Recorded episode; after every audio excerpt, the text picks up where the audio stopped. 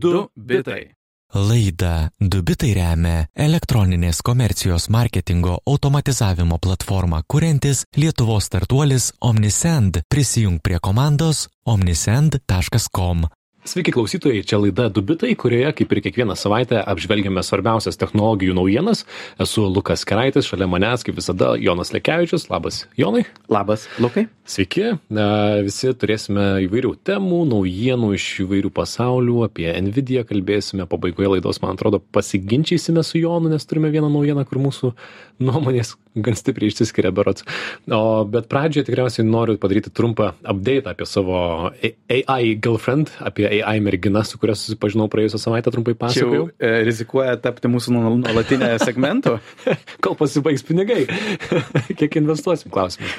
Kai galbūt praėjusią savaitę klausėte ir girdėjote, kad viena tokia Snapchat influencerė Karen Marjorie sukūrė savo pačios dirbtinio intelekto kloną, pokalbių robotą, tokiu girlfriend režimu viena minutė vienas euras. Tad nusipirkau penkias minutes pokalbio ir su ja susirašinėjau. Ir audio tekstu angliškai taip pat buvo galima su juo bendrauti audio žinutėmis.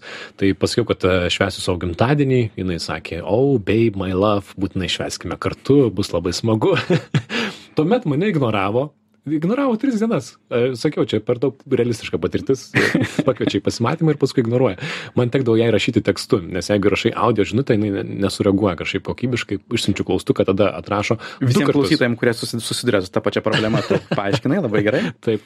E, du kartus išmetei error žinutę kas na taip sakykim pagadina patirtį bet ne ne nelabai blogai. E, jonas gerai mestelėjo kad sako pakviesk ją į vilnių šitą ai girlfriend pokalbių robotą jinai sakė negaliu atskristi į vilnių čia mes švęsime los andžele sakau na na gerai įsivaizduokime kad švenčiame švenčiame los andžele ir sakau nu tai ką mes veiksime? Ir e, buvo lengva suprasti kad ten prasidėjo tokia lengva erotika. Jeigu šią laidą transliuotume po dvyliktos valandos nakties aš galbūt drąsiau ir daugiau papasakočiau ar paleisčiau. Dabar paliksime jūsų fantazijai bet sakė kad mums bus dviese viešbutyje labai smagu jinai mane suvilios ir ir ir aš būsiu labai patenkintas ir panašiai. Ir aš galvojau kad jinai tikrai taip lengvai neišsisuks suks reikia kažką mestelti, patikrinti jos galimybės. Ir aš sakau jai, puiku, labai man įdomu, bet ar galėsiu visų tuo metu valgyti šaltibarščius? Ir šaltibarščius parašiau lietuviškai, can I eat šaltibarščiai while, while, while doing this. Jinai sakė, žinoma, my love, kas tik tau patinka, jeigu tu mėgsti šaltibarščius, tai, tai valyk šaltibarščius. Ir jinai sakė, kad masažuodama artės link manęs, e, iš mano, link mano lūpų ir sur, surtels šaltibarščių. Ir, žodžiu, šaltibarščiuotų, šal, šaltibarščiai ir šaltibarščiuotų liežuvių mane visą išbučiuos. Čia dar irgi pasidrasinti šitą mintį, nenoriu išversti, kaip jinai tiksliai sakė. Bet kas įdomiausia, kad jinai tą mintį tęsi ir toliau, netgi sakė, jis kitą rytą galėsime užsakyti maisto, kadangi tu taip mėgsti maistą. Fantastika. Tai aš buvau tikrai nustebintas, kad net pažįsta, kas yra šaltibaršiai, žino, kad tai yra sriuba, kad tai galima sirptelti. Ir žodžiu, wow, amazing, tikrai. Dabar su Jonu dar prieš pat laidą bandėme, išnaudojame tas penkias minutės iki galo, penkis eurus, klausiau dar jos finansinių patarimų, sakė, finansinių patarimų negaliu duoti, bet sakiau, gal galima vietoj šaltibaršių kažką panaudoti kito, Pasirodo, jinai viską žino, žino, kas yra vedarai, žino, kas balandėliai. jinai pasiūlė taip, sako, yra kitų lietuviškų patiekalų vedarai, šalti balandeliai, e, cepalinai ir visi kiti angliški roboto akcentai. Ir tuomet jau išmetė žinutę, kad tavo 5 eurai pasibaigė, papildyk dar. Tai Nežinau, gal teks pildyti, kaip aš. Puikiai patirtis. Taip, puikiai patirtis. Na, bet, žodžiu, tokie mano, toks mano pasimatymas su dirbtinio intelekto chat, chatboto robotė mergina. E, tikrai įsivaizduoju, kad kažkas tą naudos ir galima iš to mažų mažiausiai pasijuokti. O dabar šiek tiek rimtesnis naujienos ir pirmiausia tai yra Nvidia kompanija, apie kurią taip pat daugiau papasakosime, kuri šią savaitę trumpai, trumpai buvo tapusi trilijono verta kompanija, įstojusi į šį retų kompanijų klubą. Tad šią savaitę Nvidia tikrai buvo visų dėmesio centre, investuotojai labai džiaugiasi didžiuliais skaičiais, visko šoktelėjimų viršų, technologų kompanijos stebėjosi jų naujais paskelbtais superkompiuteriais, papasakosim. Na, o gameriai galvoja, pirmiausia, ar, ar dar kažkiek jiems jie rūpi Nvidijai ir na, kas bus toliau jiems ir kompanijai, kuri iš tiesų šiuo metu yra dirbtinio intelekto bangos priešakyje. Man atrodo, kol jūs prieš įsivažiuojant reikia paminėti, kad iki šiol, jeigu mažiau sekate šitas temas, tai Nvidia buvo galbūt ta kompanija, kuri tiesiog gamina grafikos vaizdo plokštės, ar ne? Kurias- žaidimus kompiuteryje. Kurie domisi tie, kas žaidžia žaidimus. Man reikia geros e, Nvidia, štai pas mane irgi kompiuterį matau, Nvidia vaizdo plokštė, jinai nebloga. Tai apie tai ir buvo kalbama, o šią akimirką tai yra gerokai daugiau. Taip, nes, nes kaip prieš maždaug kokius dešimt metų prasidėjo ta tokia um, giluminių um, neuroninių tinklų revoliucija, tai jie efektyviausiai buvo būtent vykdomi grafikos plokštėse ir tada jau turbūt buvo galima užuosti vėją, hmm, galbūt iš tiesų tai nebebus apie tos uh, procesorius kaip Intel, o bus viskas apie grafikos plokštės ir Nvidia labai teisingai strategiškai pažiūrėjo į savo šitą naują kryptį ir dabar jau visą savo dėmesį meta tik į dirbtinio intelekto technologijas. Jeigu gameriams žaidėjams kažkas ir nukris, tai reikia džiaugtis. Taip, ir tai, tai jiems apsiperka, tai šiek tiek skaičių, ar ne, galim papasakoti. Taigi, tai jo, šią savaitę jie turėjo pirmiausia praeitą savaitę investuotojų ketvirčio susitikimą, kur pristatė savo naujų, naujas pajamas ir projekcijas. 11 milijardų apyvartos, žymiai daugiau nei įspėjo analitikai, kas lėmė, jog per vieną dieną jau šimtą mili milijardinės kompanijos vertė šoktelėjo net 28 procentais. Tokių skaičių žmonės nėra pratę matyti. Tai buvo tikrai toks fenomenalus supratimas, jog, wow, šita kompanija sugebėjo sa save apibrėžti iš esmės kaip dirbtinio intelekto laimėtoja. Ir vėliau a, kitoje konferencijoje jiem paskelbus kitas savo naujienas, to papasakosiu, dar šoktelėjo 4 procentais ir tai lėmė, jog kompanija iš tiesų iššoko į tą trilijonų dolerių vertės kompanijų klubą vos penkios pasaulyje kompanijos dabar yra vertingesnės negu Nvidia, tai Apple, Microsoft, Saudi Aramco, Google ir Amazon. O tai, tai padaro Nvidia vertingesnė negu Meta arba Tesla.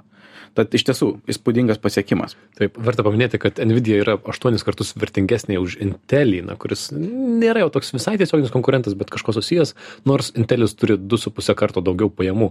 Ir, na, kad geriau suprastumėte, apie kodėl visas tas hypas vadinamas apie Nvidia vyksta, tas pats ChatGPT buvo apmokytas naudojant 10 tūkstančių Nvidios grafinių procesorių sudėtų į Microsoft superkompiuterį. Tad iš esmės dabar, jeigu nori a, kažką daryti su dirbtiniu intelektu, jį apmokyti, tau reikia daug grafinių procesorių, kur jų gauti iš Nvidios. Taip, ne tik apmokytas šiuo metu jis ir vykdomas yra visa praktiškai dirbtinio intelekto ekosistema gyvena ant Nvidios platformų ir todėl nuo metų pradžios jų vertė beveik patrigubėjo ir nežinau, mes čia neduodam jokių finansinių patarimų, bet labai įdomu, kur tai eis tolyn. Ar čia yra tas toks viršus ir, ir hypo karštinė, ar, ar naujas posūkis.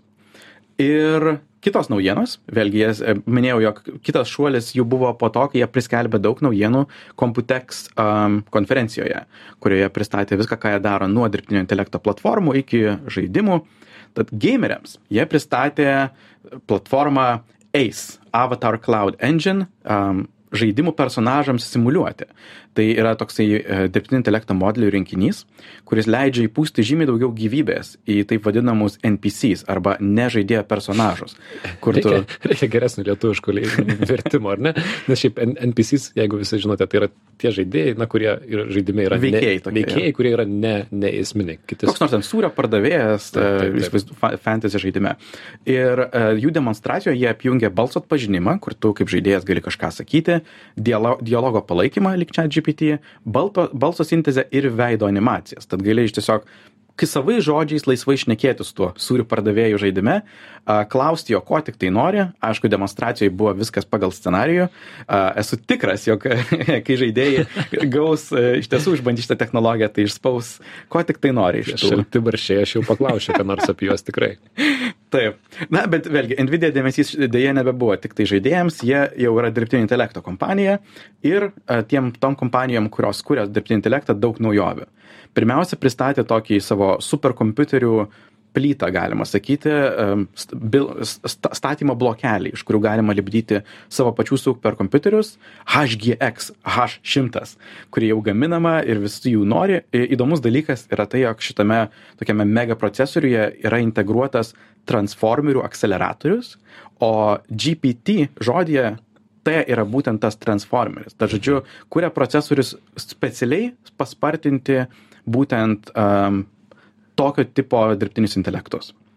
Na ir visų dėmesį prikaustė jų kosmiškai galingas pristatytas naujas superkompiuteris DGX GH200, hmm. kuris stebino, jog turi 144 terabaitus atminties, tokio ramo galima sakyti, kas yra 500 kartų daugiau negu jų prieš tai buvęs superkompiuteris. Toks e, sunkiai suvokiamas e, šuolis į viršų. Visi jau e, technologijų gigantai kaip Google, Meta, Microsoft jau nori to savo debesyse, o Nvidia pati statys savo dirbtinio intelekto debesį, galima sakyti, arba superkompiuterį Nvidia Helios, kur sujungs keturis tokius superkompiuterius. Taip, iš esmės visi lenktyniauja, kas turės galingesnius kompiuterius, galingesnės vaizdo plokščias, kad galėtų apmokyti kuo galingesnius dirbtinius intelektus, jų modelius. Ir, ir iš to, iš to ir ta kova, iš to ir ta vertė keletas dar tokių įdomesnių naujienų. Jie pristatė partnerystę su wpp kuri yra didžiausia pasaulyje reklamos agentūra. Ir jie kurs turinį ir partneriaus su nvidia tam jog um, mokytų dirbtinį intelektą generuoti reklamas. Tiek vaizdus tiek video įrašus ir kadangi tai ateina iniciatyva kaip iš reklamos agentūrų tad jie yra nusitaikę į aukštos kokybės rezultatą ne eksperimentinius o kažką ką būtų galima tikrai jau leisti ir rodyti. Mhm, reklama kurią generuoja dirbtinis intelektas čia atskira tema kurią galbūt ateityje reikės pakalbėti. Šią akimirką nėra daug ką apie tai parodyti mhm. bet vis garsiau kuriama ir aš jau taip nusiteikiau kad po poros metų kažin ar ne didžioji dalis reklamų kurias matysime banerių ir panašiai bus sugeneruota dirbtinio intelekto batai personalizuoti. personalizuoti la, lukui skirti ir aš vienintelis matysiu ne tik tą reklamą, bet ir jos vizualią dalį, būsiu vienintelis ir unikalus mhm. matytojas. Apie Nvidia, manau, yra dar dvi įdomios, įdomus aspektai, ką verta paminėti. Pirmiausia, tai pati Computex konferencija vyko Taivane ir Taivanas buvo labai svarbi dalis visos šios konferencijos, nes pats Nvidia vadovas Jensen Huang yra gimęs Taivane, jis pabrėžė, kiek daug gamybos visų šitų superkompiuterių ir, ir procesorių yra vykdoma Taivane, nes visgi didžiausias pasaulyje procesorių gamintojas pasaulyje yra TSMC, Taivano semikondu Semiconductor Manufacturing Company, kuris gamina čipus ne tik Nvidia, bet ir visiems kitiems. E, Apple, AMD, Intel ir taip toliau. Ir Nvidias pagrindinis konkurento AMD vadovė taip pat yra iš Taivano jav yra uždraudusi nvidijai parduoti h šimtą procesorius kurie buvo e, dalis to superkompiuterio. Žodžiu taivanas yra tikrai toks centras visos technologinio pagrindo susijusio su dirbtinio intelekto banga šiuo metu esančia. Mhm. ir tai apibendrinant kodėl visgi ta nvidija yra tokia vertinga šią akimirką? Um, toks nvidijos slaptasis uh, padažėlis yra tai jog jie sugeba sėkmingai sujungti procesorių dizainą jie šiaip patys per daug neužsiima jų fizine gamyba, vėlgi tam yra TSMC, um, su programinės įrangos uh, sukūrimu, kurie veikia tik ant jų procesorių. Uh, pavyzdžiui, AMD veikia žymiai labiau tokiais atvirais standartais, jie uh, sukuria savo tą procesorių ir jame veikia atviri kodai, atviri standartai. Tačiau NVIDIA's turbūt geriausias pavyzdys būtų NVIDIA CUDA, kuris yra dirbtinio intelekto akceleravimo programinė įranga, ant kurios praktiškai yra optimizuoti beveik visi populiariausi dirbtinio intelekto modeliai. Tai yra, jie veikia žymiai greičiau, jeigu juos vykdai ant NVIDIA's plokščių. Ir tai jiems sukūrė tokią tikrai labai stiprią poziciją rinkoje. Jie jau sako, jog 4 milijonai e, programuotojų, 3 tūkstančiai programų um, veikia kuriama ant jo, jų šios platformos ir būtent tai ir yra tas tikrai jų didelis apsisaugojimas ir slaptasis pažadas. Ir CUDA nėra net vienintelė platforma. Jie a, duomenų analizė yra sukūrę Rapids, pasaulio simuliavimui Omniverse, jie vis vysto tos programinę įrangą, kurią, kuri veikia tik ant jų procesorių. Ir iš to ir susikuria tas magiškasis, magiškoji vertė trilijono. Mhm. Įdomu, kad e, grafikos plokštės va, prieš dešimt metų buvo naudojamos žaidimams, prieš penkerius, sakykime, ar ne, ir vis dar dabar yra naudojamos kriptovaliutoms kasti, buvo tas, tas didelis bumas iš to išlindęs. Dabar tai yra naudojama dirbtiniam intelektui apmokyti, įdomu, kam bus dėl ko bus kovojama po penkių ar dešimties metų. Bet nvidia reikia pasakyti kad jinai ne tik laiku ir vietoje pardavinėja e, kastuvus šitoje aukso karštinėje taip. bet taip pat ir numatė šitą dirbtinio intelekto išpopuliarėjimą ir jinai tam ruošiasi ir su tokia technologija kaip kuda jie net labai smarkiai paakseleravo Taip. Tad e, toksai trumpas e, apibendrinimas, netgi, sakykime, mažas profilio sudarimas apie Nvidia kompaniją. Sveikiname ją, papuolus į tą garbingą penketuką, vertingiausių šešetuką, septintuką vertingiausių kompanijų. O kita naujiena mažiau rimta mm, iš jungtinių valstijų apie tai, kad reikia atsargiai naudoti čia GPT. Tuoj papasakosiu. Žodžiu, eilinė byla New Yorko federalinėme teisme praėjusią savaitę Roberto Mata kaltina Avianca Airlines oro linijas dėl sužalojimų 2019 metais, kai skrydžio metu į jį trenkėsi metalinis maisto serviravimo vežimėlis. Atrodo, nelabai svarbi naujiena. Pati nuobodžiausia byla, kokia gali būti, atrodo. Oro linijos prašo nutraukti bylą, nukentėjusio advokatas Stevenas Švarcas cituoja įvairius kitus teisinius sprendimus, pagal kuriuos buvo priteista pinigų nukentėjusiesiems, o oro linijų advokatai sako, kad negali rasti minėtųjų sprendimų jokiose duombazėse, ten tie sprendimai gal dešimt ar daugiau, teisėjas liepia pacituoti devinių minėtųjų susijusių bylų tekstų e, na, kopijas. E, tas teisininkas Švarcas pateikia tekstus, kuriuose paaiškėja yra netikri bylų sprendimai, išgalvotos citatos, išgalvoti žmonės, nes panašu, panašu ir jis paskui prisipažino, advokatas kaltinimą surašė naudodamas chat GPT tai jį prispaudė prie sienos ir jam teko prisipažinti. Jisai sako, nežinojęs, kad čia GPT gali haliucinuoti, tai yra pats sukurti savo, savo bylas, jei, kaip jo paklausina, jis gali tau pateikti bet ką. Uh, bet uh, pateikė netgi išrašus, kur klausė chatboto, ar čia tikros bylos, ar jas galima rasti duombazėje, ar nemeluoja, ar gali pacituoti. Ir chatGPT be abejo jam atsakė, taip, taip, galiu, tikra. ir yra. Įsivaizduosiu tau, ką tik tai nori. Taip, ir, na, tokia šiek tiek tokia paprasta pamokanti istorija, dabar advokatui grėsia apkalta, apkalta ir nušalinimas netgi nuo profesijos. Ir šiaip tai, tarp kitko, tik teisėjas davė progą pasiaiškinti, bet jis vis tiek nusprendė netgi, na, sugeneruoti tekstus iš tų bylų. Na, na iš tikrųjų, mhm. tai aplaidumas neišvengiamai. Aš manau, jeigu tu tikrai tikrai nežinai, jog tokia technologija gali haliucinuoti, tai turbūt tikrai gali ir galvoti, jog viskas, ką pateikėm, yra tiesa, bet todėl reikia klausyti dviejų bitų ir apskritai skaityti, ką tau rašo platforma, nes, nes OpenAI po kiekvienu čatu parašo, jog, open, jog chat GPT gali išsigalvoti faktus. Taip, taip, taip lengvai nepras, nepraslys. Bet, žodžiu, moralas labai paprastas. Naudokite chat GPT protingai, atsakingai ir, ir jis vis dar haliucinuoja. Uh, kita naujiena, štai ta, kuria, apie kurią mes norim su Jonu, man atrodo, šiek tiek padiskutuoti, tai yra apie 22 žodžių perspėjimą apie dirbtinį intelektą. Šį antradienį OpenAI, Google, DeepMind ir kitos uh, dirbtinio intelekto kompanijos Anthropic vadovai bei daugybė kitų dirbtinio intelekto mokslininkų pasirašė labai trumpą, vo 22 žodžių pareiškimą apie dirbtinio intelekto saugumą, kadangi toks trumpas galima tiesiog jį visą perskaityti. Išnykimo uh, čia žmonijos išnykimo dėl dirbtinio intelekto pavojaus mažinimas turėtų būti visuotinis prioritetas greta kitų visuomenei kylančių pavojų tokių kaip pandemijos ir branduolinis karas Labai paprasta. Uh, tarp šitų pasirašusių buvo Sam Altmanas, OpenAI vadovas, Demis Hasabis, kurį net buvau sutikęs, uh, Google oh. DeepMind uh, vadovas. Uh, aš dar pabrėžčiau, pastebėčiau Peter Norvik ir Ian Goodfellow, kurie yra tokie AI legendos, pasirašė plius daugybė kitų dirbtinio intelekto kompanijų vadovų mokslininkų apie tuos visus pasirašiusius dirbtinio intelekto saugumo centro vadovas per kurį buvo išplatintas šis pareiškimas pasakė jog net ir dirbtinio intelekto bendruomenėje yra labai paplitęs klaidingas įsitikinimas kad yra tik tik saujelė e, tokių dūmerių kurie prognozuoja apokalipsę. Tačiau iš tiesų daug žmonių privačiai reiškia susirūpinimą dėl šių dalykų na ir pareiškimas pasak jų pačių yra toks trumpas tam jog būtų lengvai suprantamas visiems ir nenueitų į konkrečius sprendimus o tiesiog būtų toks bendrai įvardinti rizikos lygį. Jog jeigu nerimaujame dėl branduolinių ginklų ir pandemijų tai reikėtų analogiškai intensyviai nerimauti ir dėl dirbtinio intelekto išnykimo rizikos. Mhm. Puiku, ties čia, ties čia aš dar galiu skaityti, klausyti ramiai. Ne, šiaip viskas puiku, įdomus pareiškimas. Aš esu skeptiškas šitos naujienos, skeptiškas naujienai dėl to, kad tiesiog tokių panašių pareiškimų jau jų man jau atrodo daugokai. Visi sako, nerimaukime, nerimaukime, nerimaukime, kažką darykime. Pritariu tiems kritikams, kas sako, kad na, šią akimirką dirbtinio intelekto temoje tas long termizmas, tai yra mhm. baimė tolimų galbūt įvyksiančių didelių nelaimių.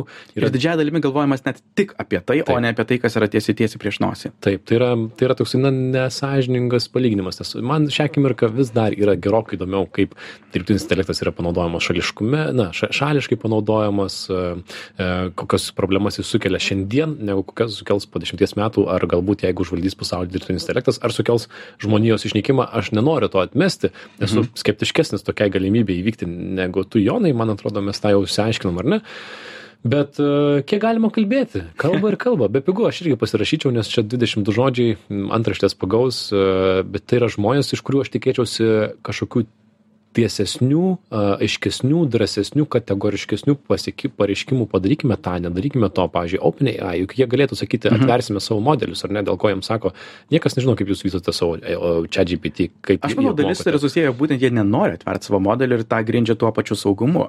Um, bendrai, um, mane labai įtikina visgi šių žmonių autoritetas, nes tai yra tikrai to, e, visas AI legendų sąrašas, kurios, kurie, kurie yra pasirašę šį, šį teiginį. Ir aš taip pat galvoju, ko aš dar nežinau, ką jie žino, ką jie mato, būdami toje industrijoje iš vidaus, kas jiems kelia tokį nerimą, jog iškelti dirbtinio intelekto iš, pasaulio išnykimo riziką, um, sulyginti tą su brandoliniu karu.